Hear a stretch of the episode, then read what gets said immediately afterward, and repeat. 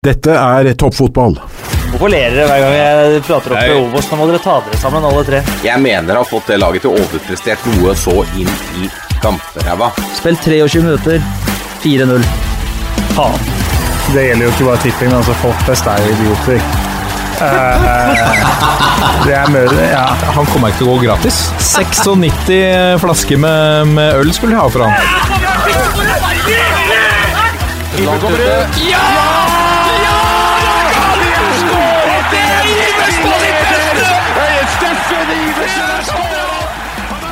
Og der er toppfotball tilbake igjen. En eh, rekordlang juleferie må, det, må, må vi kunne si at eh, det er. eh, og det er jo unntakstilstand i verden på veldig mange måter. men vi skal forsøke å holde fokus i denne sendingen på norsk fotball. Det er deilig å være tilbake i studio, Jørgen Kjernås. Velkommen. Takk for det. Det er helt nydelig. Jula varer vel helt til påske, er det ikke sånn? da? Så vi har nesten riktig. tatt det på ordet. Jeg har litt, uh, fortsatt litt tid igjen på oss, faktisk. Så vi er jo på forskudd, vi nå. Um, det er uh, Altså, det er jo eh, helt umulig å oppsummere alt som har skjedd siden vi satt her sist. Uh, jeg tror Glimt har gått fra å være kjæledegge til hatobjekt til kjæledegge til hatobjekt en to, tre, fire ganger frem og tilbake.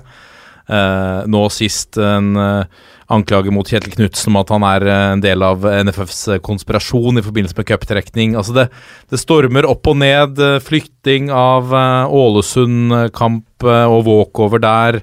um, til avansement i Europaligaen. Det det er veldig mye opp og ned i Bodø nå. Hva, hva tenker du om eh, det som foregår der oppe? Nei, først og fremst er det jo et, så klart eh, et potensielt veldig stort eventyr. Eh, litt kjedelig med Roma, så klart, igjen. Følte jo at de var litt ferdig med den delen av kapitlet. Eh, og så er det klart at den Vi må jo innom den der floka med walkover og alt mulig, for det var jo uelegant og usmidig løst, kan vi vel si, på vårt mest eh, diplomatiske. Ja, for hva burde de gjort der? Burde de bare gitt, gitt plassen til Ålesund? Det er jo på grunn av Glimts avansement at vi går videre. Nei, altså at de går videre i, i, i, eh, Euro, Europa Conference. Nei, Eh, altså, jeg tenker når du har terminliste satt en kamp, og det er cup, og det skal spilles neste runde uka etter, helga etter, så må du jo enten spille den når den skal spilles, eller så må begge klubbene være enig i at den skal flyttes. Når det skjer såpass rett før, så det er klart, hadde man hatt en plan B og gitt beskjed til Ålesund ganske lenge før om at dette kan skje hvis Bodø-Glimt avanserer, hadde de fått den beskjeden i desember, januar, så blir det noe litt annet. Å bare trumfe gjennom det, så har jo ikke Ålesund bare hatt vrangvilje. Det har jo faktisk vært korona der. De har faktisk hatt sine problemer. De har fått, eh, blitt tatt litt på senga med det. Så det Kampen burde vært spilt når den eh, var satt opp. Bodø-Glimt fikk sende det laget som de følte det var fornuftig å sende til eh, Ålesund. Eh, om det var med tre eller fire eller fem eller åtte eller null faste på spart. Det, de har stallen nok til å kunne bytte litt spillere, de òg, tross alt. Det er ikke helt krise å sette inn Comzone og Boniface på topp, f.eks. Så jeg, jeg syns hele greia var veldig merkelig. Jeg skjønner intensjonen til NFF om å ville Bodø-Glimts beste når vi har en veldig god sjanse til å få et lag videre i Europa. Så intensjonen er det ikke noe gærent med, men derfra ut så har de jo egentlig gjort det meste feil. og Syns ikke det har vært kommunisert godt nok ut i det hele tatt. og Det har virka som en sånn litt arrogant greie. Så har jo er jo på en måte det kanskje mest bestridte der hva, si, hvor mye skal man laste Bodø-Glimt for det som har skjedd. Det er så klart De kommer med et ønske ut fra sitt perspektiv og hva som er best for dem. Og så er det jo NFF som må ta en avgjørelse og ha kritikk uh, for avgjørelsen som er tatt. Men jeg syns jo ikke Bodø-Glimt har vært kjemperause og eh, vist full forståelse, de heller, da. Det, nei. Så jeg, jeg, jeg klarer ikke helt skjønne hvordan vi endte opp med at det var Ålesund som tapte på walkover, og ikke Bodø-Glimt som tapte på walkover, når det var de som hadde et problem med å spille den kampen når den egentlig skulle blitt spilt. Det må jeg innrømme at jeg, jeg falt litt ut i logikksvingen et sted mellom at de tingene skjedde. Ja, og, og dette gir ikke akkurat mindre vann på mølla til, eh, til de som mener at eh, NFF, eller at eh, klubbene som skal ut i Europa, får flere fordeler da enn de andre klubbene, og at Det er jo alltid en diskusjon, um, spesielt når vi sier det her. Uh, nå skal jeg ikke si produktet norsk fotball, for da blir folk veldig forbanna. Uh, men, men uh, de gangene jeg sier at dette er bra for norsk fotball, at vi får avansement i europeiske cuper Det ser vi jo resultatet av nå, er at nå kan vi potensielt få to Champions League-plasser hvis vi fortsetter med denne suksessen. Og, og jeg forstår at at supportere av andre klubber er veldig lei av å leve i skyggen av Rosenborgs hundretalls millioner inn fra europaeventyr. Eh, Molde som har puttet en allerede ganske velfylt bankkonto med, med, nye friske midler fra avansementet i Europa. Jeg skjønner at man, man, føler at man ikke ser nok av de fruktene, og dette gir jo ikke akkurat mindre vann på mølla til det spørsmålet der. Um, men, men når vi nå da jeg, har for så vidt diskutert litt uh, uh, med bl.a. Trym Hogner rundt hvorfor har jeg det perspektivet at jeg ser det på som en fordel for norsk fotball generelt, og han ikke har det som Lillestrøm-supporter. Og Det tror jeg handler litt om at jeg er jo vokst opp som Ørn Horten-supporter. Jeg har ikke hatt noe favorittlag i, i Eliteserien. Det, har vært, Ørn Horten der, og så har jeg fulgt litt med på Vålerenga der, men det er Ørn Horten som er mitt hjertebarn. Hvis eh, Falk i Horten hadde fått 100 millioner for å spille i Europa Altså spille i Europa Det er ikke sikkert jeg hadde heiet på det like mye for norsk fotball. Og sånn må det jo føles, sikkert. For de som er, eh, de som er Lillestrøm-supportere eller Odd-supportere eller ja, så klart. Det er, altså, som du tok opp med det, det med to Champions League-plasser, potensielt. Det er jo sånn at det er fortsatt mulig, men litt urealistisk at det skal skje nå med resultatene denne sesongen, for da trenger vi at Glimt går videre minst ett, kanskje to steg til. Eh, men per nå så ligger vi jo faktisk inne eh, på 15.-plass hvis du tar de fire siste sesongene, altså de tre siste fullførte pluss denne. Og det er jo der man starter til neste år, fordi det måles på de fem siste. Så per nå ligger Norge på 15.-plass der. Kan ligge på 13.-14.-plass hvis Glimt eh, får noen resultater nå. Og da begynner vi å snakke om at det er høyst realistisk at annenplassen i Eliteserien kan faktisk havne til Champions League. Og da havner vi jo litt som Molde eller Rosenborg-supporter, f.eks., eller Viking-supporter, kanskje. Litt sånn at ok, du vil jo ikke at Bodø-Glimt skal bli rikere og større og mektigere, men samtidig så vil du jo ha muligheten til at en annenplass gir deg flere goder, eller at 17.-plass eh, tar deg til tredje kvalrunde istedenfor andre kvalrunde i Europa League eller Conference League, da. Så, men nei, jeg skjønner jo at det, er, det ligger veldig naturlig at man ønsker jo ikke at konkurrentene og de man ser på som konkurrenter, skal bli større. Uh, for oss som holder med lag altfor langt ned i divisjonene, så ser vi jo kanskje er det enklere å se helheten. Og det supporterperspektivet vil jo alltid være der. Det er jo samme som at hvis du tar en hens-situasjon, og så spør du laget som har gjort hensen om det er hens, spør supporterne, så vil en ganske lav prosentandel svare ja. Men spør du motstanderlaget, så vil nesten alle svare at ja, dette er straffe. Så mm. det er naturlig, det, da. Ja. Hvordan uh, er oppfattelsen din av ståa i skal vi kalle det Prosjekt Rekdal, da, i, i, i Rosenborg? Eh, det må være en, må sies å være en skrell der, i hvert fall med 3-0 mot Ranheim. Jeg skal ta, altså Rosenborg nå er Når jeg sitter nå og skal sette opp tabelltips, så er Rosenborg et av de lagene jeg syns er kanskje vanskeligst å sette opp. Fordi det det har vist så langt under Rekdal, det er jo et nedrykkslag. Rosenborg har helt, sett, sett, helt sjokkerende dårlig ut. Det er store avstander, det er ball som ikke kommer på en måte inn i de rommene hvor det er ubekvemt for motstanderne. De spiller en type fotball per nå som er ganske grei å forklare, nei, forsvare seg mot, og som i tillegg er ok å angripe mot. De har mange spillere som ikke ser helt bekvemme ut i litt nye roller og litt nye systemer og det med å finne litt nye relasjoner. De har veldig mange spillere som har levert under paret gjennom hele vinteren. Jeg er ganske sikker på at Rekdal og assistent Geir Frigård er ganske stressa nå, for det er så klart for dem. For Rekdal er dette en gedigen jobb, og lysten hans og behovet hans for å lykkes her er kjempestort. Han kan Det er klart, han har vunnet cupen med Ålesund, har vunnet serien med Vålerenga osv.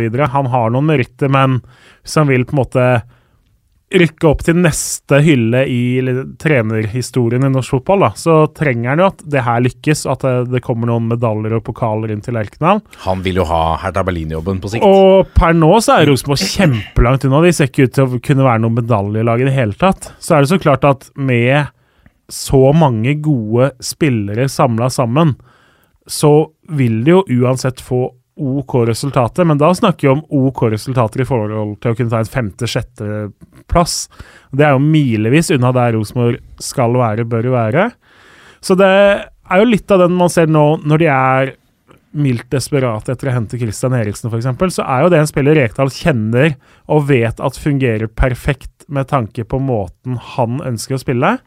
Så jeg er usikker på om det er den type fotball som kler Rosenborg, og kanskje spesielt da eh, årets Rosenborg-salg. Altså, han arver jo, selv om han har fått inn noen spillere, så arver det jo ganske mange av de som er i den stallen, og skal prøve å forme noe ut av det. I eh, den, den samme oppskriften som han brukte i HamKam, er jo ikke ment for suksess i Rosenborg. Det er jo to helt forskjellige forutsetninger med tanke på lag og klubb og alt mulig. Så jeg tror vi Jeg er ganske så sikker på nå at vi får se et Rosenborg-lag som kommer til å få det beintøft i serieåpninga. De møter altså Bodø-Glimt med Aspmyra. Som er i Eh, Altså, de er midt i sin sesong, de. Ja, eh, eneste fordelen er jo at Bodø-Glimt har faktisk såpass hektisk kampprogram nå at det, det kan være den lille marginen som er eh, til fordel Rosenborg nå. Ellers er jeg overbevist Jeg er helt sikker på at Bodø-Glimt vinner den kampen ganske klart. Eh, sånn det ser ut nå. Så har de da Odd hjemme. Odd eh, ser ut som et mye bedre lag enn det de gjorde i 2021. Ikke noe lett motstander, det. Sarpsborg borte i neste. Sarpsborg òg. For meg er Odd og Sarpsborg per nå de to lagene jeg kommer til å, tror kommer til å gjøre det best målt mot forrige sesong. Eh, og så kommer da Molde på besøk. Det er altså de fire første kampene. Så de møter Bodø-Glimt og Molde, i tillegg til to litt sånn potensielt lumske motstandere som ser ut som de er i form, og som ser mye bedre ut. Jeg tror eh, at vi kan få en ganske brutal Rosenborg-start der med relativt få poeng og en del misnøye i starten. Og da skal det bli uhyre interessant å se både hva Rekdal gjør, både hvordan omgivelsene med supportere og alle rundt Rosenborg som skal mene noe, vil reagere, og ikke minst liksom, hvilke endringer man eventuelt gjør, og hvordan man klarer å tilpasse seg, om man står på det man har prøvd å prente inn nå gjennom vinteren på treningsfeltet. Så, så nei, Rosenborg er ekstremt interessant sett utenfra nå, fordi det er så mye per nå som tyder på at de ikke klarer å leve opp til de forventningene som er til klubben. Og det for alle som ikke er trøndere, så er jo det litt gøy og litt veldig interessant. Ja, For meg så er det ikke så gøy. Jeg la hodet på blokka her i, som gjest i Pyro Pivo og sa at uh, dette Rekdal til Rosenborg var en god signering. Så jeg, jeg, jeg, skal, jeg skal stå i det, på samme måte som jeg sto i at uh, Eirik Holmen Johansen skulle være førstekeeper i, i Brann da han ble signert dit. Der var vi også uenige, Jørgen. Uh, I uh, Nå har Håkon Oppdal lagt opp, da, så nå har han endelig mulighet til å passere den, uh, i hvert fall. Dette er toppfotball. Vi skal jo bruke en del tid her på å gå gjennom uh, Fortsette litt uh, der vi har begynt nå, med tanker rundt uh, status i Eliteserien. touch innom både Obos-ligaen og Post Nord-ligaen også. Um, I den prioriterte rekkefølgen, litt innenfor overganger, potensielle gjennombrudd osv. Kampform ut fra det vi har sett der på isisen. Men før det, Jørgen, det virker som det er utsolgt for sesongkort i Egersund. ja, det var vel jeg som sendte den i den felles chatten vår. Litt sånn kuriøs uh, variant. Fordi var inne og leste på Egersund sin side. Uh, jeg er jo innom litt for mange av disse sidene litt for ofte. Uh, hvor de hadde lagt ut da på lørdag at i morgen er siste frist for bestilling av sesongkort. Det vil si at på søndag så måtte du ha bestilt sesongkort for å få det til Egersund. Da er det fortsatt tre uker til sesongstart. Så Og nå, det- hvis du melder deg opp jeg vil ha sesongkort, da får du det ikke.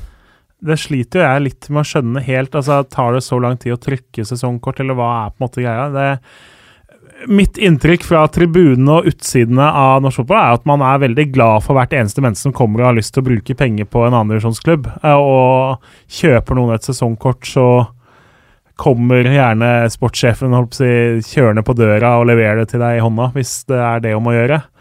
De, så, så nei, jeg, jeg, uten at vi skal dra det ut liksom i all evighet, så skjønner jeg ikke helt logikken bak en sånn variant. da. At, uh, som du sier, det er, det er tre uker til sesongstart. Det er nok Fins jo sikkert folk sør i Rogaland også som ikke har tenkt på fotballsesong ennå, men som i løpet av de neste to ukene kommer på at hei, kanskje jeg skulle hatt et sesongkort. Jeg har tro på at i år skal endelig bli året klubben rykker opp etter mange mislykka forsøk. Men da må du isteden finne deg i å kjøpe enkeltbilletter. Det Jeg skjønner ikke helt den, da, men det, jeg håper det finnes en god forklaring som er bedre enn det jeg klarer å tenke meg til. Kan vel hende fortsatt ha mulighet. At dette var et salgstriks, da? At man går litt nye veier Ja, her for å Knapphet er jo tross alt noe av det som får folk til å kjøpe. At Hvis du ser det begynner å bli utsolgt en kamp, så må du jo fortere kjøpe billett. Kanskje det er det som er tanken. Ja. Snart tom på lager. Skal ta med en nyhet fra Eller en tweet fra Denne har vi ikke gått nærmere i sømmene, skal jeg innrømme, men den kommer her rett før eh, vi gikk i studio. At Tyskland har eh, lansert nye regler som vil endre måten fotball er spilt på fra de under 11 i, eh, i landet. Ganske, ganske inspirert av norske modellen, må vi kunne si. hvor han som har ansvaret her, Ronny Zimmermann, sier at vi er nødt til å tenke som barn, ikke som voksne. Um, det er bare barn som utvikler glede og, og underholdes av, av fotball, som, som, kommer til å bli innenfor sporten. Dette er jo eh, i tråd med NFFs tankegang, i hvert fall fram til er det 12 eller 13 år? Eh, 13 år. Ja. Ja. Hvor fotball først og fremst skal være gøy, for å holde på flest mulig. Og flest mulig lengst mulig er jo også et slagord som vi kjenner her. Tyder dette på at selv fotballstormakten Tyskland er i ferd med å endre måten man tenker er veien å gå for å vinne nye verdensmesterskap om de kommende generasjonene? Det, er jo, det har jo skjedd mye i det fra den tida hvor vi spilte sju fotball hele vår oppvekst, og så var det plutselig over på elleve fotball. Nå er det jo Selv i Norge så er det vel tre, fem, sju, og så har du mulighet for ni, og så elver Du har en treer der òg, Har en treer inn der også? Ja, de yngste spiller jo sånne trecuper med eh, vant og alt mulig, som gjør at det er mest mulig spill, mest mulig touch. Så det er jo en del av den samme tankegangen, eh, tross alt. Og det er jo fornuftig. Jeg husker når, altså, da vi starta var seks år, og så spiller sjuerfotball. Det var jo noen på laget som var relativt lite innom ballen i løpet av en kamp. Ja. Eh, som kanskje heller ikke var borti det i det hele tatt. Mens i trefotball så er det litt verre å gjemme seg bort og grave sandslott, sånn som noen av mine lagkamerater gjorde. på- Eller grusslott, blir det kanskje. Det, vi hadde det en gang, hvor spissen kom aleine gjennom fordi høyrebekken satt faktisk og bygde et flott tårn av grus isteden. Så Ja, det er breddefotball på sitt beste. Nei, så det er godt å se at uh, tyskerne følger etter. Kanskje det har noe for seg, da, at det fortsatt skal være gøy for barn å spille fotball. Um, um, vi går uh, videre. La meg innlede da med en annen ting. Vi, vi har denne uh, internchatten i denne podkasten hvor vi deler ting fra norsk fotball, og der uh, delte du i går en, en kveldsquiz, Jørgen Kjernås, hvor du truk, trakk fram et et sitat her. Jeg kan ta et uttrekk av dette. Eh, I måten vi skal spille, har vi på en måte en setup, men der hver enkelt spiller kan ta frem sine fargetusjer og farge løs. Um, det er Altså, han, han snakker i bilder. Eh, godeste Paco, som nå har tatt over Odd, og, og mange sier at han har begynt å sette sitt preg på Odd eh, på en positiv måte, og at vi, vi ser et lag som kan havne på, på topp sju, topp seks i, i år. Hva tenker du om det?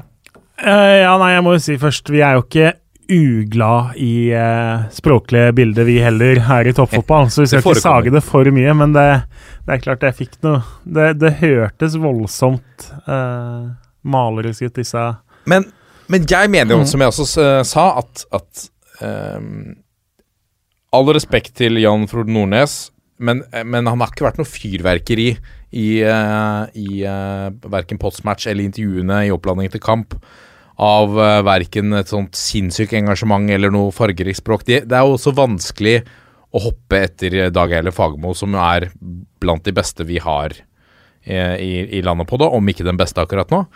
Um, så om man kan eh, hvis, hvis ethvert intervju med Paco er av dette kaliberet, med bilder og fargestifter og abstrakt, abstrakt retorikk Det må jo være Odd trenger jo noe ekstra for å tiltrekke seg oppmerksomhet, fordi Odd kan, og det så vi i fjor, være dørgende kjedelig. At det ikke skrives noe om de.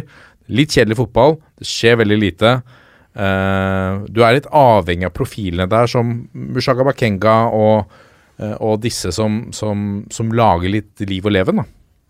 Ja, ja absolutt. Det, er klart, som du sier, Odd har vært en litt sånn grå mus litt for lenge, og forrige sesong var veldig skuffende. Så, og tilbake til det du spurte om. Ja, Paco ser ut som han har gjort gode ting for Odd. De ser ut som et lag med et mye tydeligere system. Eh, han har gjort det er klart Vi kan vel gå litt nærmere inn på dette seinere òg, men eh, Gjør det nå. Gjør det nå. Eh, nei, det er et mye mer offensivt Odd-lag. De har satt inn Solomon Owusu som dype på midten, som betyr at han i prinsippet trekker litt ned som en tredje stopper. De dytter kantspillerne litt innover. De sender indreløperne høyere, ofte litt skeivt i banen. Uh, Bekker som er med veldig mye mer veldig tidligere i angrepet. Vi så jo Bakai skaffe straffe på et bakromsløp borte mot Molde etter 28 minutter av kampen der. Han er altså venstreback.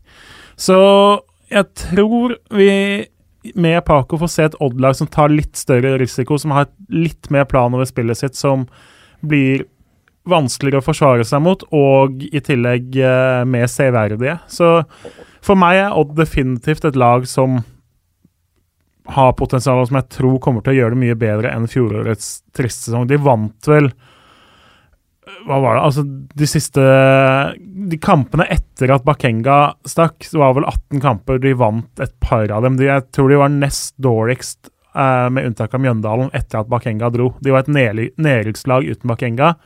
I år så ser det ut som et lag som i hvert fall bør kunne kjempe seg til opp rundt midten av tabellen. Hvem skal plukke opp den hansken der, da? Er det Tobias Lauritzen nå som vi skal se i full vigør hele sesongen? Tobias Lauritzen ser skarp ut, kommer til å skåre mange mål i år. Kommer til å bli en spiss som har potensial til å nå opp mot 15 mål denne sesongen, hvis han holder seg skadefri. Eh, Konrad Vallem så viste allerede tegn i fjor som kantspiller. Han har sett enda bedre ut i år. kommer til å levere mye målgivende og skape mye ubalanse for motstandere. Hvor gammel er han nå?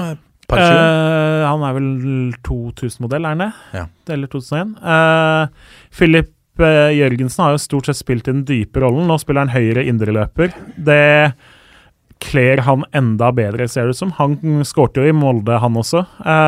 Kommer til å være god. Og så hadde jo Bakai som var en fantastisk spiller i den cupkampen, og som også har vært god i noen av treningskampene. Så der har du en del av disse. Det er, ikke, det er ikke så mye nytt på papiret i Odd. Det er ganske mye av den samme gjengen. Ti av elleve, eller ni av elleve, er de samme som spilte i høst, stort sett. Det er bare Bakai som ser ut til å ta venstrebekken, og så er det om Og Bakai virker å ha fått en ny vår. Ja, ikke sant. Og det, det, er jo litt på den som var litt med tanke på Hugo Vetlesen og Botheim, og som ble dratt fram litt, at talenter ofte blir avskrevet veldig unge. Eh, Bakai har jo vært et stort talent, spilt mye aldersbestemt fotball, landslagsfotball. Så har han ikke sluppet gjennom i Lillestrøm. Det funka ikke helt på utlandet i Fredrikstad, funka ikke i Kongsvinger. I fjor så ble det tredjedivisjonsfotball og benk i Eliteserien for han, og Lillestrøm lot han egentlig gå. Og så kommer han til en klubb hvor han har fått en trener nå som virker å ha troa på han, og som kjenner han og mener at han kan få ut det beste av han. Og da går du fra å være helt ute i kulda i Lillestrøm til å plutselig kunne være brennheit i Odd uh, isteden. Så langt fra umulig at man om noen måneder lurer på hvor lurt det var av Lillestrøm å slippe han. Selv om å komme seg forbi Vetle Dragsnes i køen om den venstrebekkplassen der, det er jo ikke lett. Men likevel, ser ut som en veldig god deal for uh, Odd at de har klart å snappe opp han. Enkelte som fulgte Skeid i fjor, uh, la merke til selvfølgelig skårings... Uh Uh, tempo til uh, Abel Stensrud. Nå har han tatt uh, turen opp til opp et nivå, eller to, må vi kunne si, til, til Odd. Hva, hva, tror du om han da i, i, i, Telemark? Jeg tror først og fremst at han kommer til å være litt sånn lærling på det nivået her denne sesongen. Han var jo helt fersk i andredivisjon egentlig da i fjor. Komethøst, men nå skal han opp da etter knapt ha spilt Altså For ett og et halvt år siden da, så hadde han jo knapt uh, spilt over fjerdedivisjon, så nå er det eliteserie. Jeg tror vi kommer til å få se han skåre masse for Odd 2, og så tror jeg det kommer til å bli innhopp stort sett som han uh, får denne sesongen. Men at det er en spiller som lukter mål, og som er en veldig interessant signering for Odd med noen års perspektiv. Det er jeg overbevist om. Gikk ikke Tobias Lauritzen gikk sånn samme ruta, eller? Jo, han var vel Odd junior, og så skåret han masse for Porsche i tredje divisjon og var ganske heit da. Eh, blei Odd isteden, og nå har han jo de gangene han har sett ut til å kunne bli førstevalg, så har det vært litt skader og det har vært liksom litt stang ut. Har, nå går han til sesongstart som et tydelig førstevalg, og han har sett eh, bra ut. Ja. Vi har, eh, vi har, jo snakket litt om Rosenborg. La oss, eh, Det vi var inne på her, er, er eh, Lillestrøm som, som, som nevnt Altså, du snakket Vetle Dragsnes. Skåringen der i, i innledningen av kampen mot Glimt, fantastisk. Bærer det Altså, er det et signal om hva vi kan forvente oss av, av han f.eks. i år? Er det en enda mer offensiv Dragsnes som kommer til å bidra med målpoeng for Lillestrøm?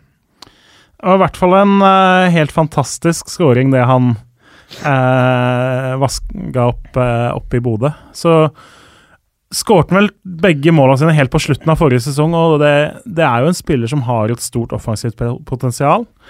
Jeg er veldig usikker, for å ta litt om Lillestrøm òg, litt usikker på dem med tanke på den kommende sesongen.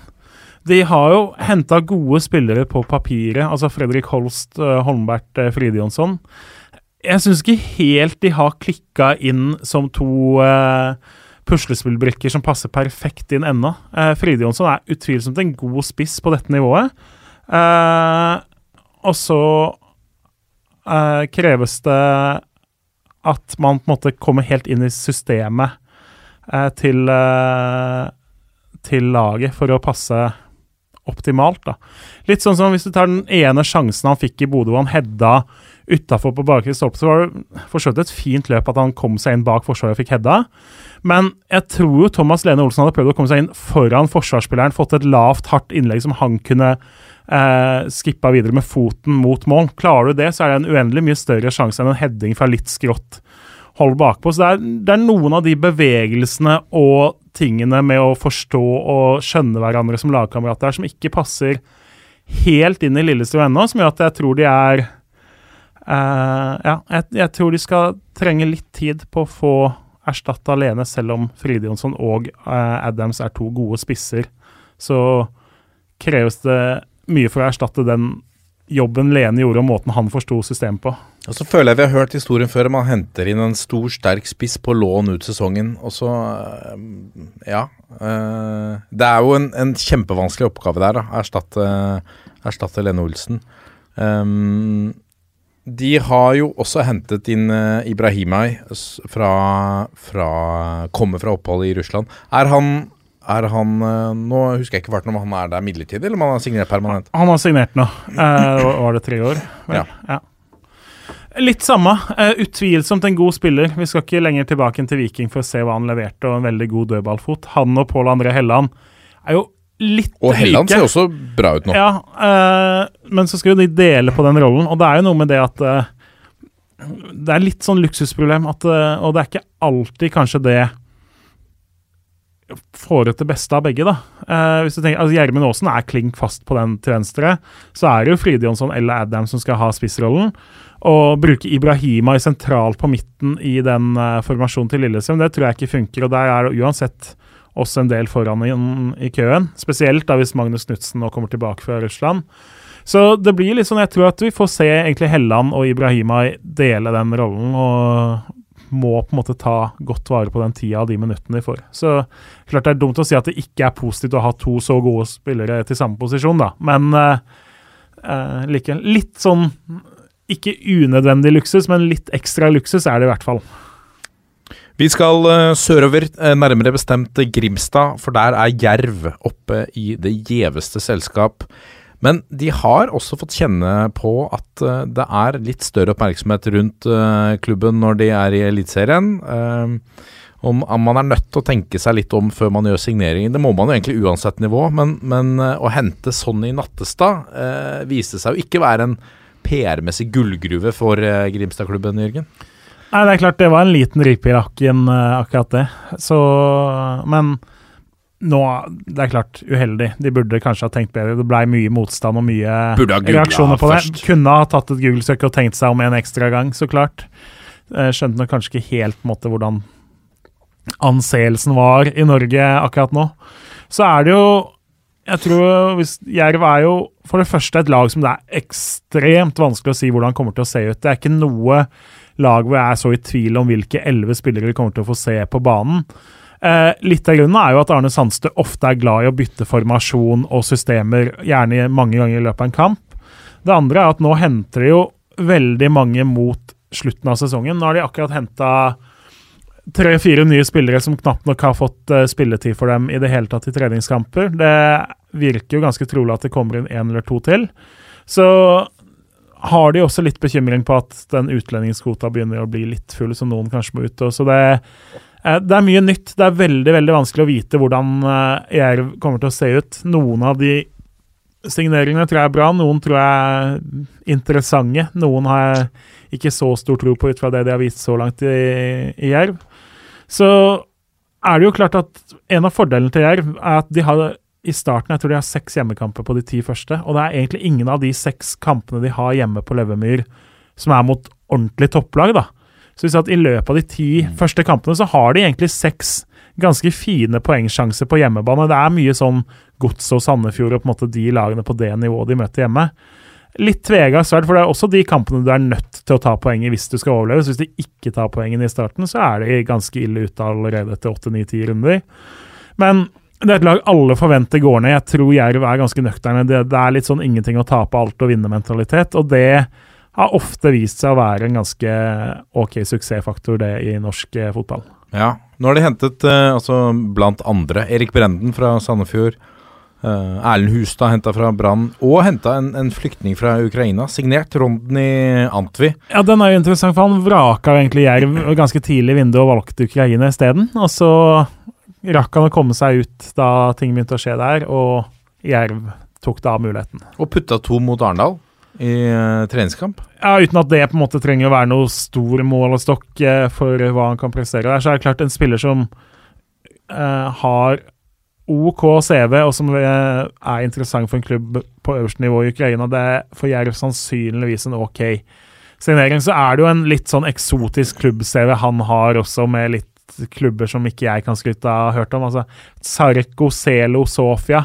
Jeg måtte inn og sjekke dem i går, og de har da altså tydeligvis spilt på øverste nivå nå en stund, men det er altså en klubb med 1550 tilskuerkapasitet, hvis du skal tro Wikipedia. Okay. Så det hadde jo vært minimalt på norsk nivå, så det er litt andre standarder der. Men det er vel Pyro Pivo-podden, hvis du vil høre mer om eh, klubber fra Sofia. Ja, det høres sånn ut. Og så må vi ta med da, vår venn eh, Alexander Dang. Eh, nå var han utlånt til Egersund i fjor, nå er han gått til Øygarden. Er han på vei eh, Er han på hell, vår godeste Dang? Det er jo der han har den mest fantastiske målstatistikken sin fra, selv om det het Nest Sotra sist han var eh, på Ågotnes. Ja, så er det litt romantisk også. Ja, det er jo på en måte en retur til der hvor han hører hjemme, og der hvor han har hatt sin fotballsuksess. Så det litt naturlig. Det var ikke noe plass til han i Jervs eliteseriestall, og da at han drar hjem igjen isteden. Og det gjør jo at Øygarden kanskje kan gå fra å være litt sånn middelhavsfarer i fjor, til å nå være et potensielt topplag. Selv om de vel tapte med anstendige 4-7 for Fana i helgen. Eh, Tredjevisjonslaget Fana. Og faen, da må vi også legge til at Fana vant 10-4 over Bremnes i kampen før det. Så, så Fana har altså 7-4 og 10-4 i sine to siste kamper. Det er litt uvisst om de spiller hockey eller fotball. Fantastisk. Eh, viktig å ta med videre før vi forlater Jerv at eh, de møtte særdeles tøff motstand i forrige treningskamp da mot Ørn Horten, hvor de røk på 2-3 eh, på Levemyr. Hva, hva, kan vi si om den matchen, eh, Jørgen? Har du fått med deg eh, var, var, det et prov på at Ørn Horten kan eh, blande seg opp på øvre halvdel i, i Post Nord i år? Jeg kan si såpass som at som Odd-spiller så var jeg veldig lei meg for at det ikke dukka opp odds på den kampen, for det var ikke akkurat et blodtoppa Jerv-lag, selv om det var noen ok navn der. Vi må videre i sendingen, og vi skal da gå til HamKam, fordi Jakob Mikkelsen han, ja, han fikk jo overta tømmene på Hamar i januar, da trenerteamet forsvant til, til Rosenborg, og så har jo en av de siste ukene. Månedens eh, store eh, snakkiser er jo Christian Eriksen og, og um, budet, eller de tre-fire budene som kommer fra Lerkendal, hvor, hvor de forsøker å, å, å hente den gamle disippelen. Um, og det har jo også vært en snakkis på Hamar, Jørgen, i, i den siste, siste, tida, er mannen som jo ble henta til Hamar på veldig romantisk vis av sportslig leder Espen Olsen etter en messenger-utveksling hvor han ba pent om å få komme på prøvespill for klubben i sitt hjerte, og ble hentet inn, og det hele virket å være som en av, en av, de bedre fotballromantiske historiene vi har sett, uh, kanskje de, i hvert fall de par siste årene. Um, og så får, får, historien uh, denne, hva skal vi si, onde vendingen, da, hvor, hvor han blir smigret selvfølgelig av en av Norges største klubber som ønsker han. Og da er jo selvfølgelig HamKam-supporterne såra i, i dette, man skjønner jo det. Uh, og litt usikker på om det hjelper da å gi han kapteinspinnet og han putter uh, i, i, etterkant. Hvordan er ståa der nå, slik du ser det? Christian Eriksen, er han fortsatt en kamerat? Den er jo definitivt veldig, veldig vond, hele den greia. Fordi, som du sier, at statusen hans er helt unik. Både historien bak, men ikke minst hvor god han var i fjor. Hele greia gjør det jo vondt. Også når det da i tillegg er gamletreneren som vil hente han i tillegg så har du alle de der uh, såpeopera-tingene for å få et skikkelig drama ut av det.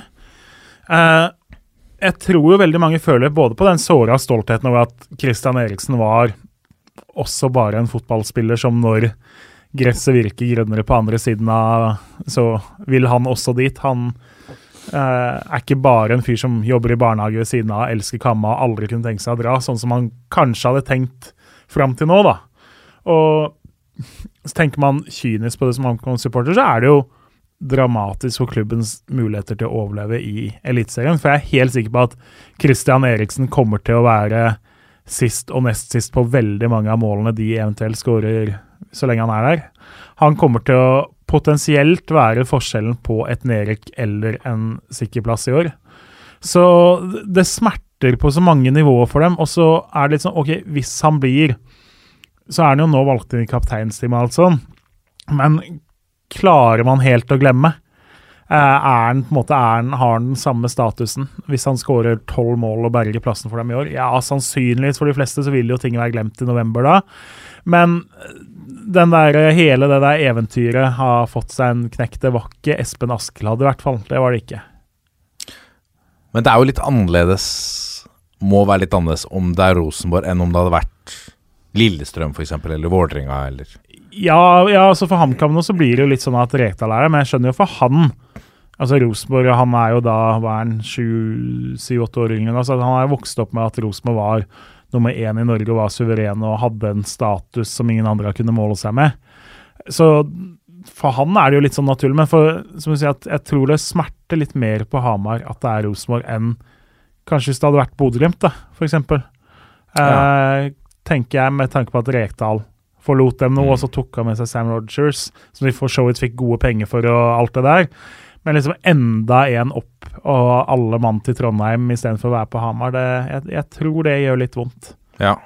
Hvordan ser det ut med gjengen som er igjen der? da? De har jo hentet altså en, en uh, gammel målsnik i Pål Kirkevold, blant annet. Um, så har de plukket en del fra, fra i hvert fall et par mann fra, fra Nord-Amerika. Um, nysigneringene som har kommet inn? Hvordan, Nei, altså Først og fremst er jo altså Man kjører jo på samme oppskriften som funka veldig godt i fjor. Det kommer jo inn en trener og ser at nå har du en stall og et system som funker veldig bra. La oss prøve å liksom La dette tårnet stå, og la oss bygge videre bare på det samme fundamentet. La oss ikke rive det ned og bygge opp noe helt nytt nå.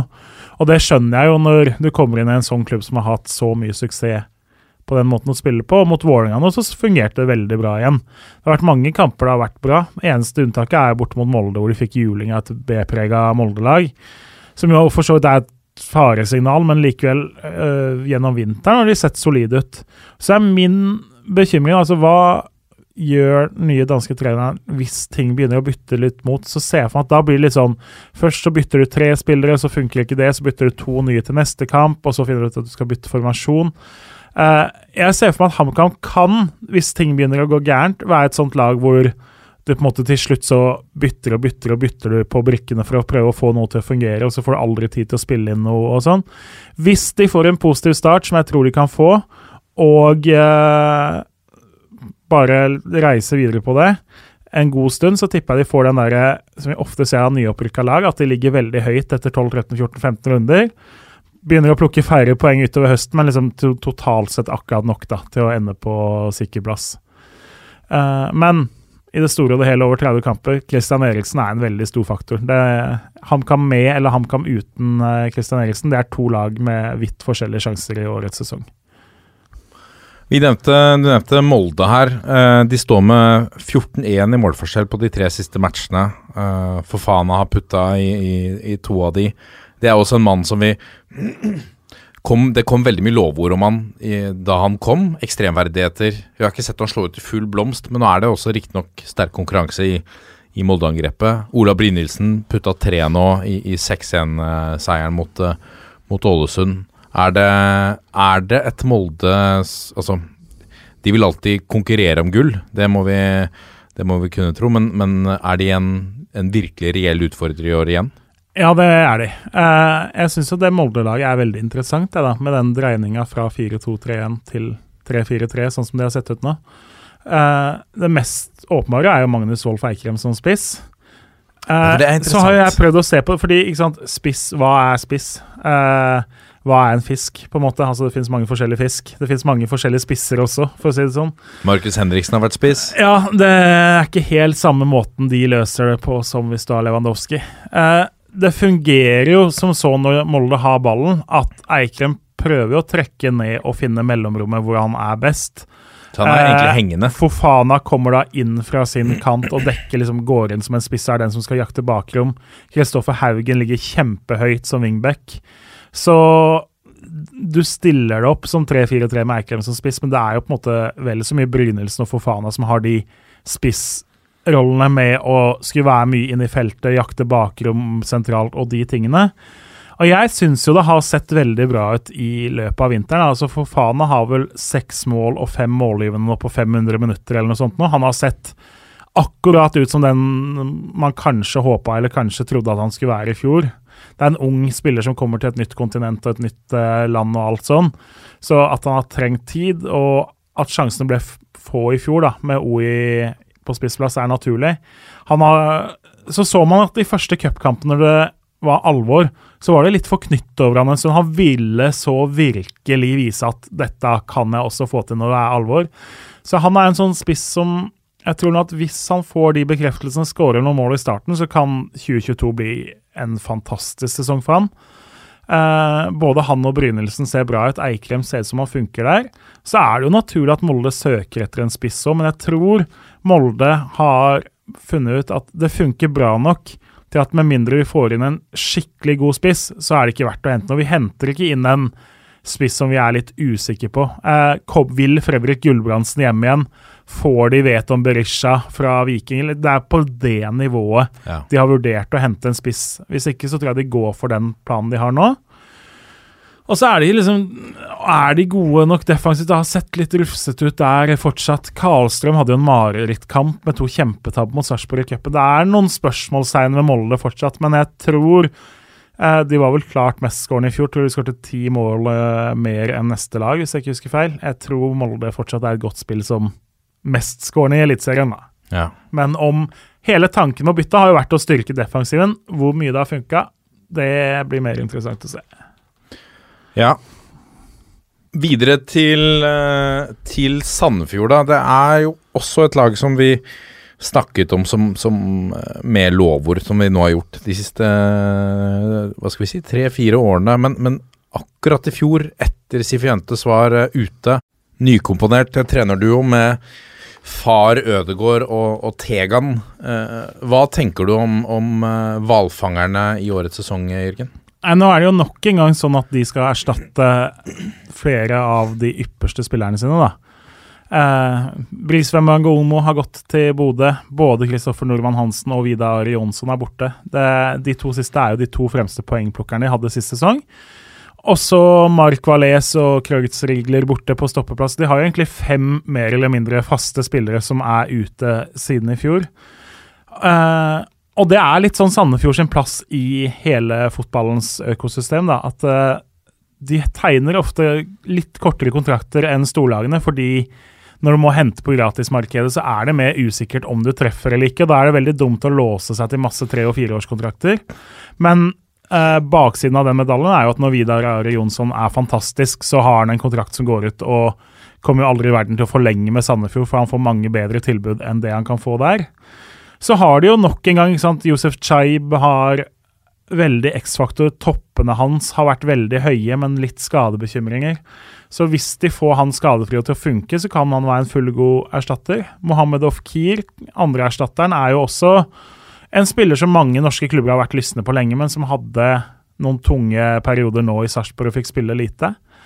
Uh, Ruud Hansen, nei, Ruud Tveter på topp ser enda litt bedre ut i år kanskje enn han har gjort før. Bør var på seks mål i fjor, bør i hvert fall kunne snuse og være oppe på tosifra den sesongen her, mener jeg.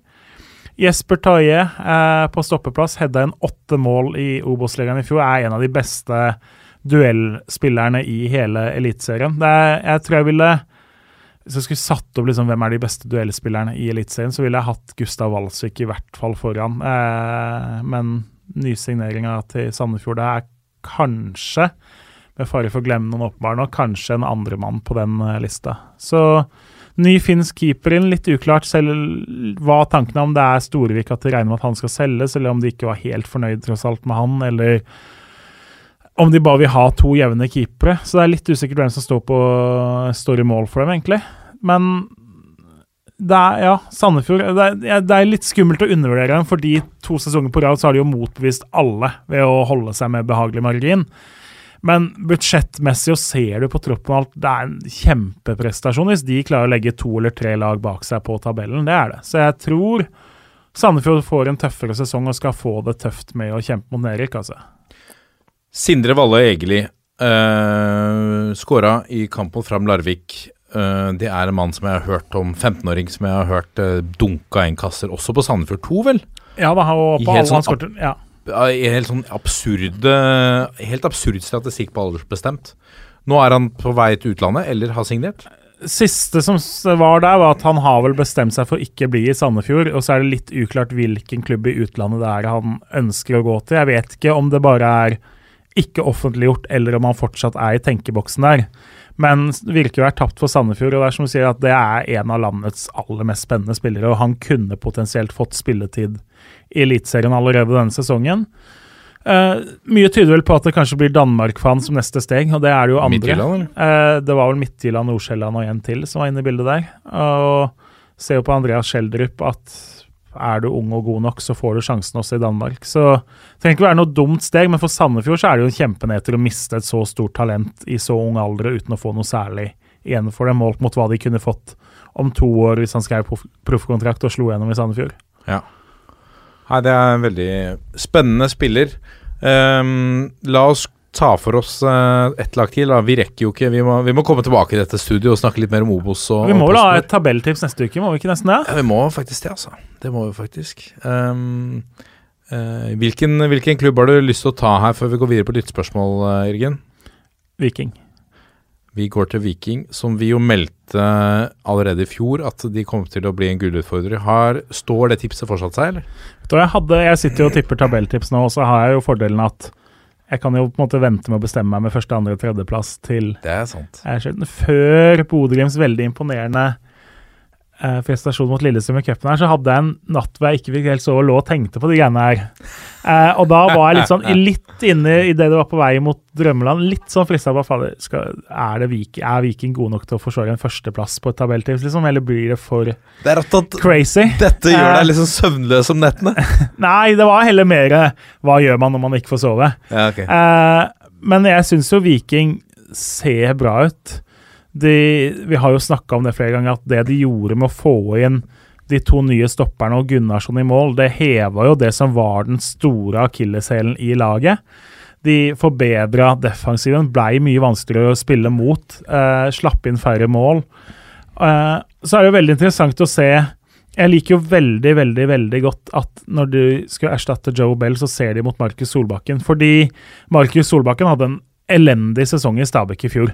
Det funka ikke. Han passa ikke inn. De fant rett og slett ikke ut av hverandre. Så har på en måte Viking sett bort fra alt det, og heller sett på hvem er faktisk spilleren Markus Solbakken.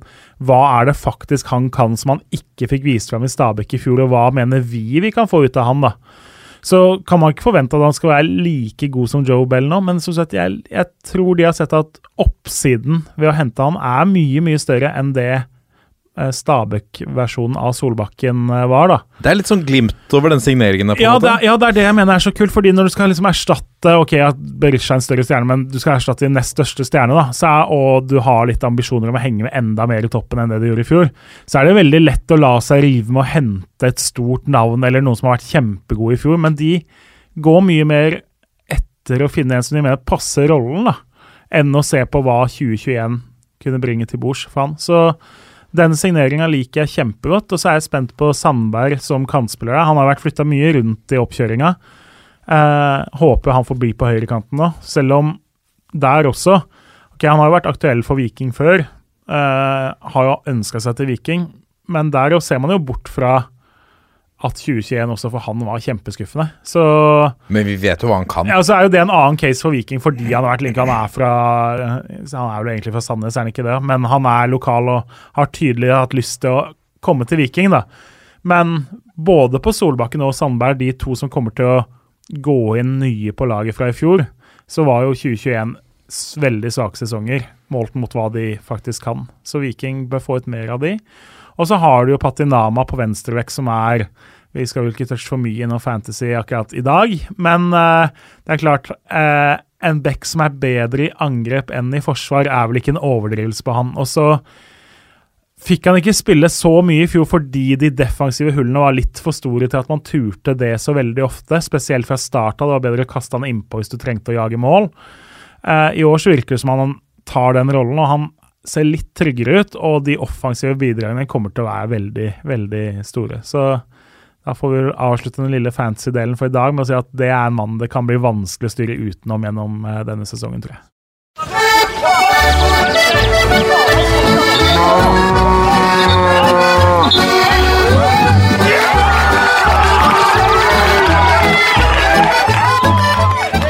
Og da er det klart for eh, Breddenytt ved spaltens president Jørgen Kjernås.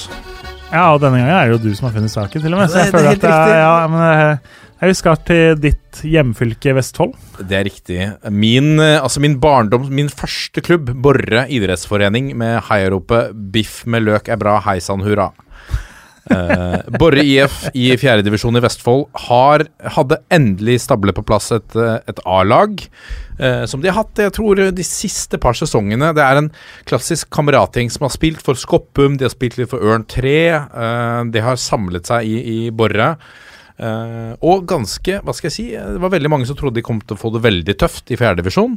Det er ikke noe lekeliga lenger, fjerdedivisjon. Det er uh, i, i lys av at eh, både tredjevisjonen har blitt bedre, så har det også tatt steg i fjerdedivisjon. Selv om det er mye lokale lag. Eh, så målsetningen var der å sikre plassen, og dermed kvalifisere seg for NM-kvalifisering. Muligheten for å avansere i NM. Eh, dette klarte kameratgjengen på jeg tror de er 25-30 mann, ja, og har rundt 20 stykker på trening i, i fjerdedivisjon. Det er ganske decent. De klarte det. En kjempe, kjempestemning og en feiring etter, eh, etter sesongslutt, selvfølgelig. Og så, etter en måned, så kommer beslutningen fra styret om at de ønsker ikke å fornye kontrakten til spillende trener Jørgen Moen Hansen. Um, men ønsker at han fortsetter som spiller.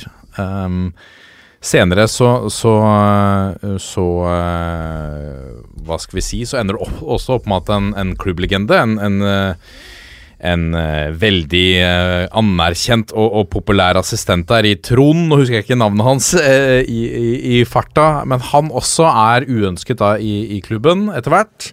Um, fordi styret ville ha sitat, en ny retning. Denne nye retningen som, som de skulle ha, innebar at de hentet en, en trener fra, fra Drammen som pendla inn til klubben og skulle satse mer på unggutta osv. Og, så videre, og de var, eh, de var positive til den nye retningen eh, gjennom hele vinteren. eh, til tross for at de fikk en, en del tilbakemeldinger fra, fra denne spillerstallen som, som da sa på et tidspunkt at vet du hva, eh, nok er nok, nå går vi.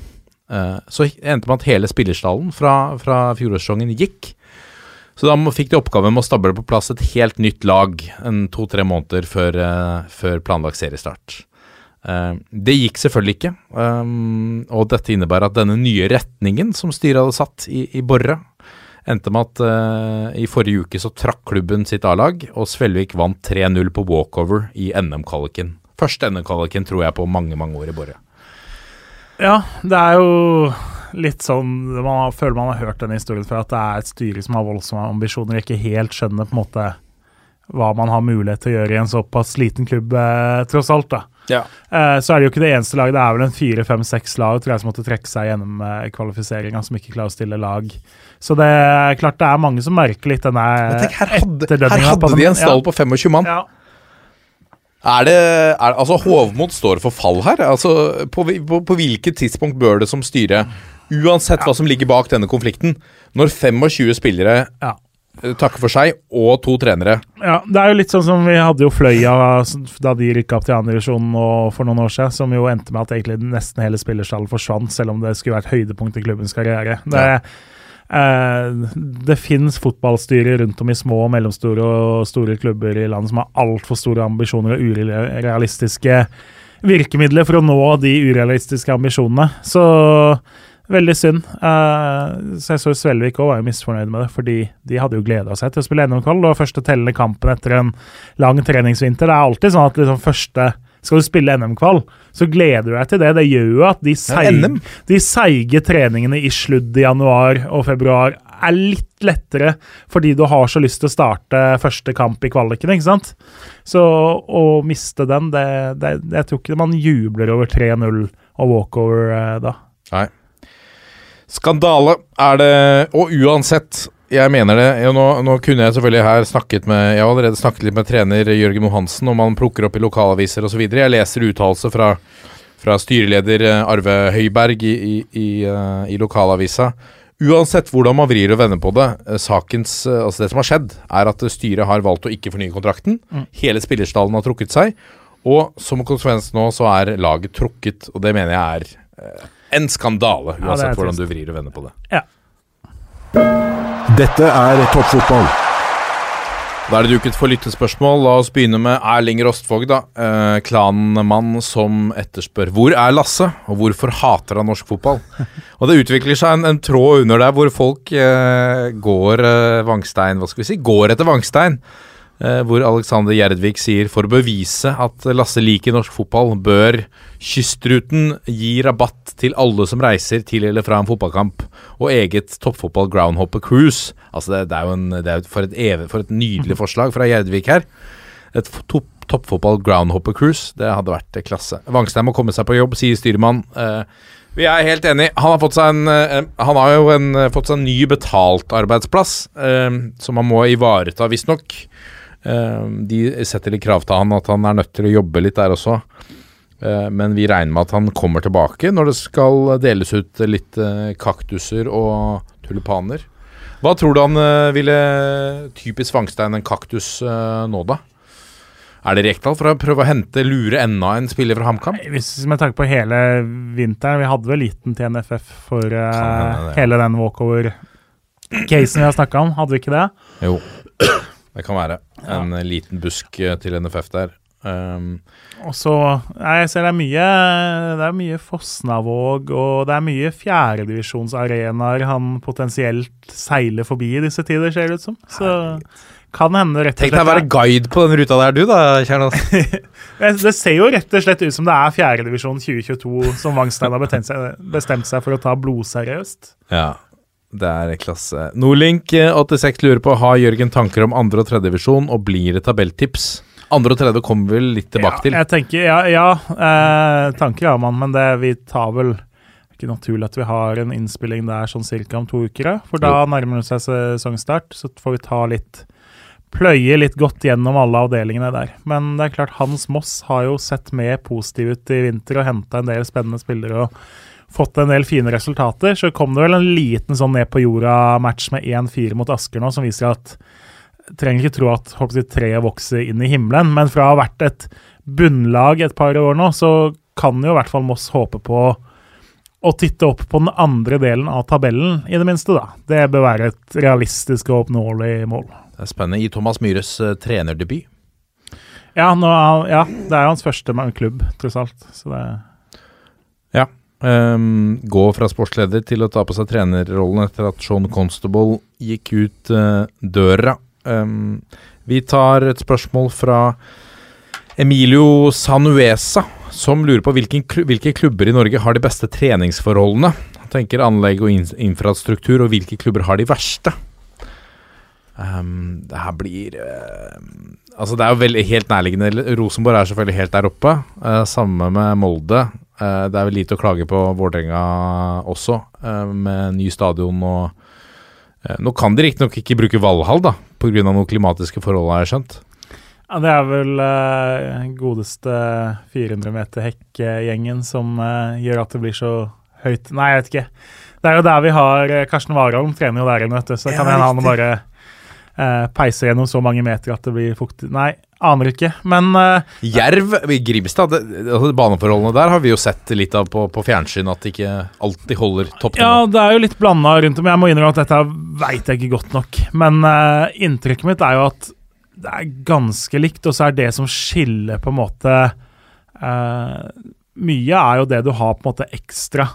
Ikke sant? Hvor mye som legges i medisinske apparat og på en måte coacher og kostholdseksperter, eller har du bare på en måte Har du en frivillig som bare lager de samme smørbrødene som han har lagd i 30 år, eller har du på en måte en som eh, Så profesjonaliteten i Molde eksempel, er jo skyhøy på veldig mange av de punktene, men om det teller som de beste fasilitetene, blir jo en annen diskusjon. Det hadde vært spennende å se klubbene selv vurdere seg, seg selv da, på en skala fra 1 til 10. Hvor gode er vi på treningsforhold, hvor gode er Ja. på en måte, Hvor stort og velfylt er styrkerommet, f.eks.? Er det to tredemøller og en benkpressvariant, liksom, eller er det 150 kvadrat velfylt og helt nytt? Det er, der tror jeg du egentlig omtrent kan se nedover budsjettabellen og på en måte se at det er en sammenheng eh, der. Ja.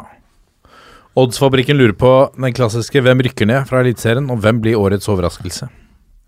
Nei, overraskelsen står for meg Jeg tror Sarpsborg og Odd er de lagene som jeg har som mine potensielle overraskelser denne sesongen. Jeg har Sarpsborg per nå ganske høyt opp på tabellen. Bare håper de i alvor har hentet en eller to ordentlig gode signeringer til, så er de en liten joker i medaljekampen.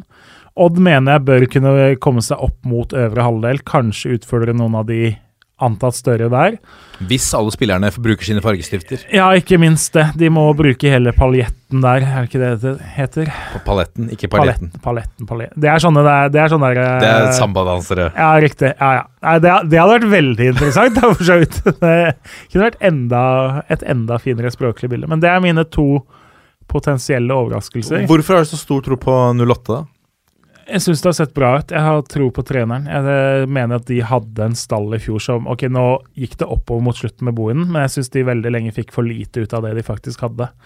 Så mener at de er et lag som nå ser bra nok ut til å i hvert fall være en mulig topp seks-klubb denne sesongen her. Uh, så det er de to. Nedrykk Uh, Jeg har tippa Jerv og HamKam. Jeg er veldig usikker på om HamKam er et riktig og godt tips. Jerv er litt feigt, men ganske standard. Eh, Ålesund endte jeg vel opp med å tippe over streken. Det er jeg veldig usikker på. Jeg skal jeg gjort det igjen, så jeg hadde bytta Ålesund og HamKam. Altså hatt, så vil si at jeg har tippa Jerv nederst, HamKam på nedrykk, Sandefjord på kvalik og Ålesund rett over. Og så Tromsø, Godset og Haugesund over det igjen. Per nå så tror jeg jeg ville bytta HamKam og Ålesund. Så for meg så ser Jerv ut som den største nedrykkskandidaten. Og så er det da Ålesund, Sandefjord og HamKam eh, som er de neste. Og så er både Tromsø, Godset Haugesund lag som potensielt havner nedi der, de også, for meg. Hva tenker du om forskjellen her i litt sånn Utad da, så, så opplever jeg at det er litt forskjell på å være litt heislag opp og ned, som Ålesund er, litt frem og tilbake fra, fra Eliteserien, kontra HamKam, som nå endelig er tilbake det, i det gjeveste selskap, og en, kanskje en liksom helt annen entusiasme som har bygget seg opp gjennom en, en kjempebra fjorårssesong, og nå er de endelig tilbake. Det trykket der fra byen, fra, fra supporterne, hvor mye har det å si kontra at her var vi for ett år siden, typ? Nei, det er som du sier, det betyr ganske mye mer på Hamar. Som var det 2008 som var sist de var i Eliteserien, vel. Eh, Ålesund er opp og ned, opp og ned. Eh, man var suverene, og så var man katastrofale i Eliteserien, og så sleit man litt i fjor. Det, det blir liksom ikke samme entusiasmen der, da, som du sier, som det HamKam som endelig får lov til å være med og feire og liksom vise seg fram igjen. Men tror du det er bare vi Eh. som f føler det sånn, eller har vi noe grunnlag for å Utad så virker det jo litt sånn. Ja, jeg tror jo det er litt sånn at det er mer Hva skal vi si naturlig å snakke fotball hvis du støter på noen på gata på Hamar. At nå er Kamma oppe, har du sesongkort igjen? Og? De har klart å bygge opp en hype der, som vi snakka om i fjor, og med disse kameratene sine noe effekter og litt følelsen av at enten så er du med og du er på kamp og du har effekter, eller så er du liksom ikke helt på innsida av greia som foregår i byen vår, da. Så, så nei, jeg tror, tror nok hypen er litt større. Og så er, blir det litt sånn bismak når man veit at Lillestrøm-supporterne har kjøpt opp veldig mange billetter på de nøytrale delene av eh, Briskeby til sesongstart. Det er jo første kamp i Eliteserien også. Det er jo, eh, den spilles jo aleine klokka tre på lørdagen, sånn at alle som ser på TV, og sånn vil jo få med seg kampen. Så kommer jo potensielt Kanarifansen til å kunne gjøre det til mer nøytral bane enn bortebane, med de si, mengdene med supportere som er venta oppover. Så Nei, men eh, ja, jeg tror Hamar har, har en bra edge på å kunne liksom skape en sånn skikkelig medgangsbølge som de egentlig har flydd De har jo vært på den medgangsbølgen allerede i halvannet år. Ja. Så blir det nesten mer interessant å se hvordan takler de det om og når motgangen kommer nå, for den er- begynner de jo Fotballsupportere har jo et dårlig langtidsminne og et godt korttidsminne. Man husker at HamKam har vært veldig god og vunnet alt nå, så hva det å liksom, hvordan det var å tape kamper og frykte nedrykk fra Obos-ligaen og sånn, det har man jo nesten glemt, stort sett. Ja. Men herregud, det, jeg, jeg tenker på nå Fantastisk det blir å få se stappfulle arenaer igjen. På, på, eh, ikke minst live, men også på, på TV.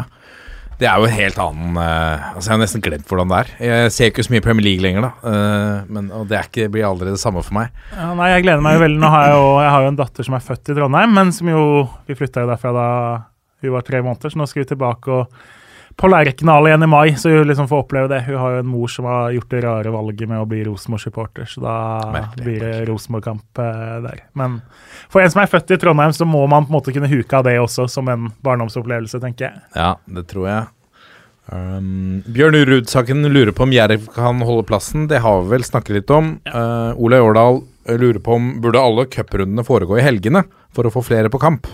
En onsdag med avspark klokken 18 er mindre aktuelt for folk, kontra en lørdag-søndag i tretida.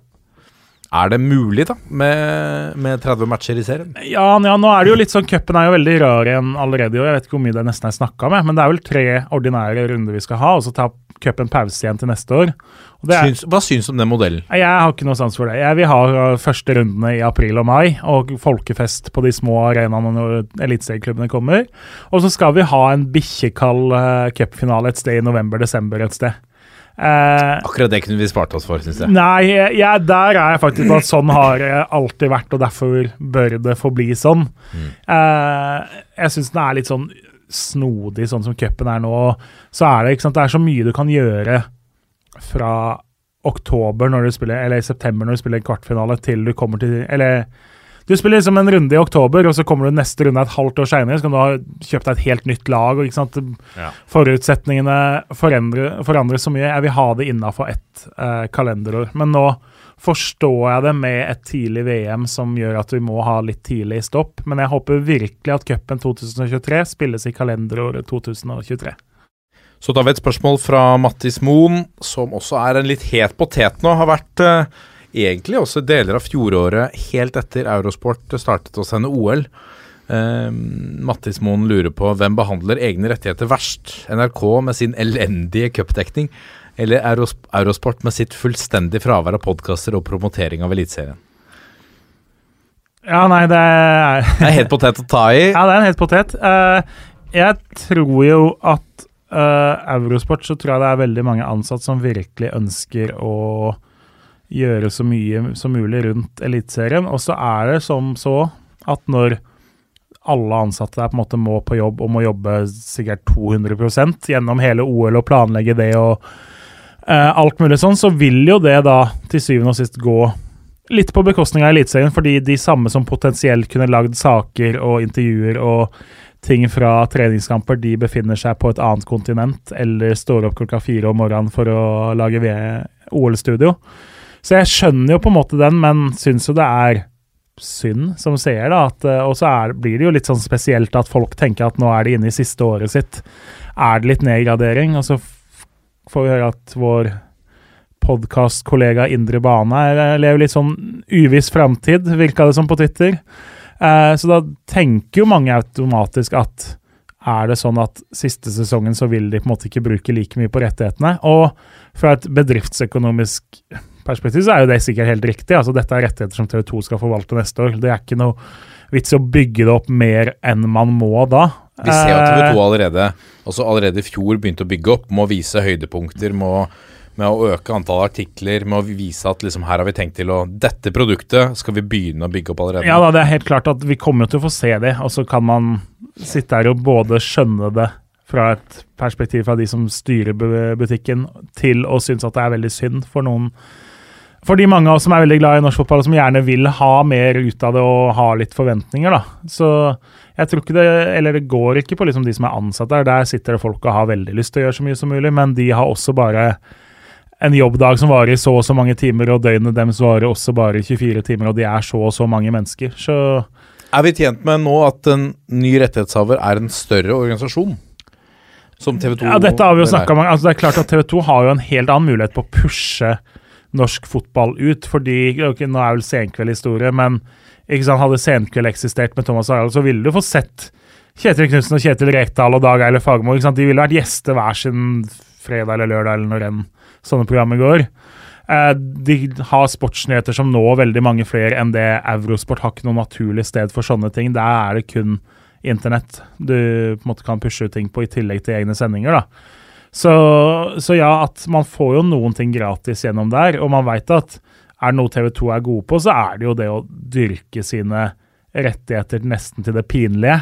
Eh, og heller Less is more er vel ikke TV2s tankegang når det gjelder eh, egenpromotering av sånne ting. Så, så nei, det, vi vil nok få se en automatisk på en måte, effekt av, av at TV2 har en mulighet til å nå folk på en annen måte enn det Discovery har, da, gjennom sine sendinger og sine flater. Ja.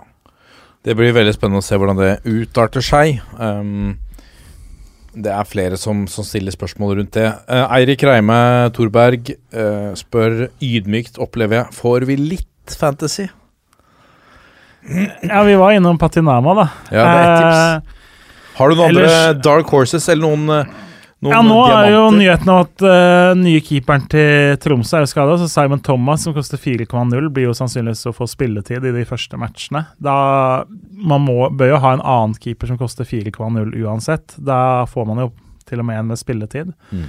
Ellers så er det jo et vanskelig en vanskelig kabal å legge i år. Vanskeligere enn noen gang, kanskje. Det som er verdt å huske på, og som er verdt å følge med på, er jo at det er mulig både Viking og Bodø-Glimt, kanskje Molde, får dobbeltrunde ganske tidlig. Fordi det er en mulighet for dem å flytte augustkamper til tidlig i sesongen, sånn at de skal få eh, litt mer kampfri når det er europakvalifisering. Så vi ser at hvis Viking og Bodø-Glimt har dobbeltrunder i runde fire og fem, så må det jo så klart lastes på eh, lag med mange fra de fra start. Du kan ikke stå uten og så plutselig skulle bruke wildcardet i runde fire for å få på de igjen. Det blir litt tidlig. Så det vi gjør mye. Ellers så tror jeg Jeg sitter jo med Jeg mener at Kristoffer Haugen er for meg årets Trent Alexander Arnold. Altså, hvis du ikke har han, så vil jeg påstå at da gjør du det feil, nesten. Det kan nesten gå så langt at det Da gjør du spillet feil. Ja, nesten så er vi der. At uh, jeg sitter og ser på laget mitt og ser at det er 14 spillere jeg er usikker på om jeg har i første serierunde, og så har jeg Kristoffer Haugen som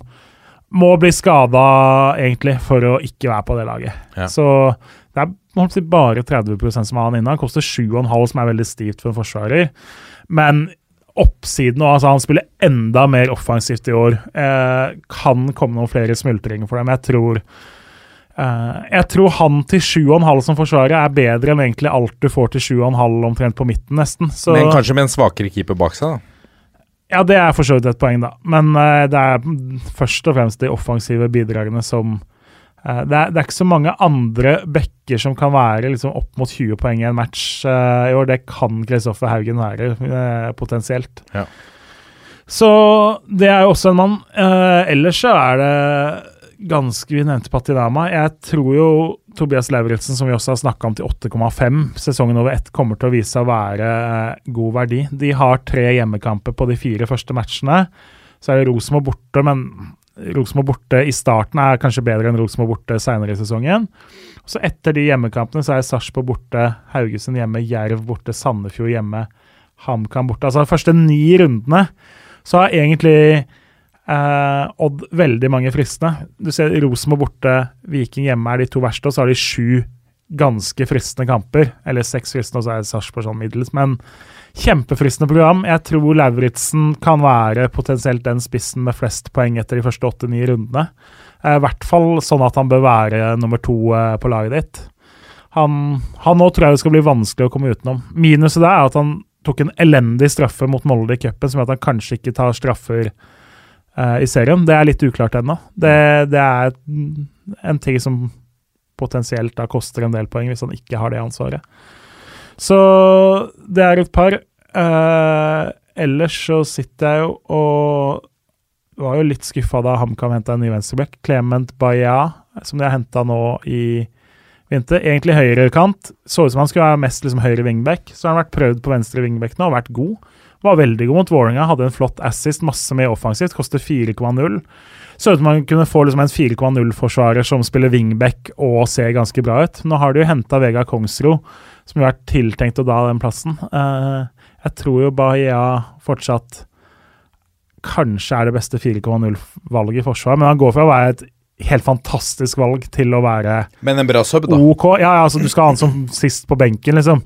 Hvis han spiller, så er det bonus. Men uh, for to døgn siden så så det helt julaften ut. Nå er det litt mer Men mulighet for innhopp, da? Ja, det vil jeg tro. At han er potensielt et andrevalg både på høyre og venstre wingback, sånn det ser ut nå, da. Så minutter blir det, men ikke 90 minutter helg inn og helg ut.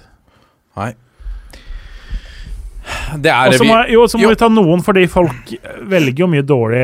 Altså, jeg ser nå eksempel at mest valgte keeperen er Sean McDermott. Han har spilt null minutter i løpet av hele vinteren. Har en ryggskade som gjør han veldig usikker. Tror du ikke det er mange som Eh, velger basert på fjorårets Jo, det er nettopp det. Det er jo derfor jeg sier dette, at folk må jo unngå de fellene der. Det er klart McDermott nå er omtrent tilbake i trening, men vil du bruke 5,5 mil på en keeper som har null minutt i høst, og har en rygg som er veldig trøblete? Eh, det vil ikke jeg, i hvert fall.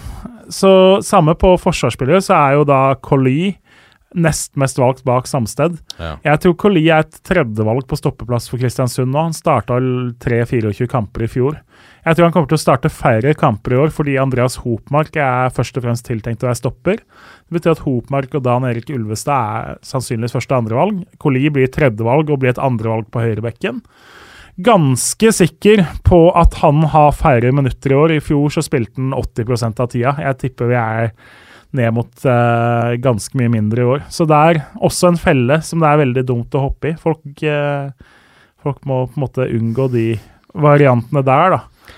Eh, så det er et par av de som det er elegant å si. Og samme sånn, Christian Borchgrevink er vel inn på 6% av lagene eller noe sånt nå. Han har jo også en kneskade som har gjort at han har spilt null minutt i løpet av hele eller vinteren. Det er veldig uklart når han er tilbake igjen. Så- Og hva skjer der med Hedenstad, Borchgrevink? ikke sant, De har en helt annen dekning nå. I fjor så måtte de trekke ned Henrik Bjørdal på høyrebekk. Det var en nødløsning. I år så har de faktisk en høyrebekk som er høyrebekk og som er bra. Så det er, de dytter ikke inn Borchgrevink før han er helt klar. Så noen sånne feller må folk unngå. fall. Ja. Det blir spennende. Vi, vi skulle jo selvfølgelig snakket Det er veldig mye vi skulle snakket veldig mye mer om. Vi skal snakke senere om, eh, om PostNord når det nærmer seg eh, seriestart. sammen med Obos-ligaen. Neste uke kommer vi tilbake med et tabelltips. Ja, vi må vel egentlig både ha Eliteserie og Obos, da? Det må ikke vi. Det må vi. Det blir flott, det. Ja, det gleder vi oss til. Eh, Så avslutter vi på 1, 2, 3. Vi er en gjeng. Ha det!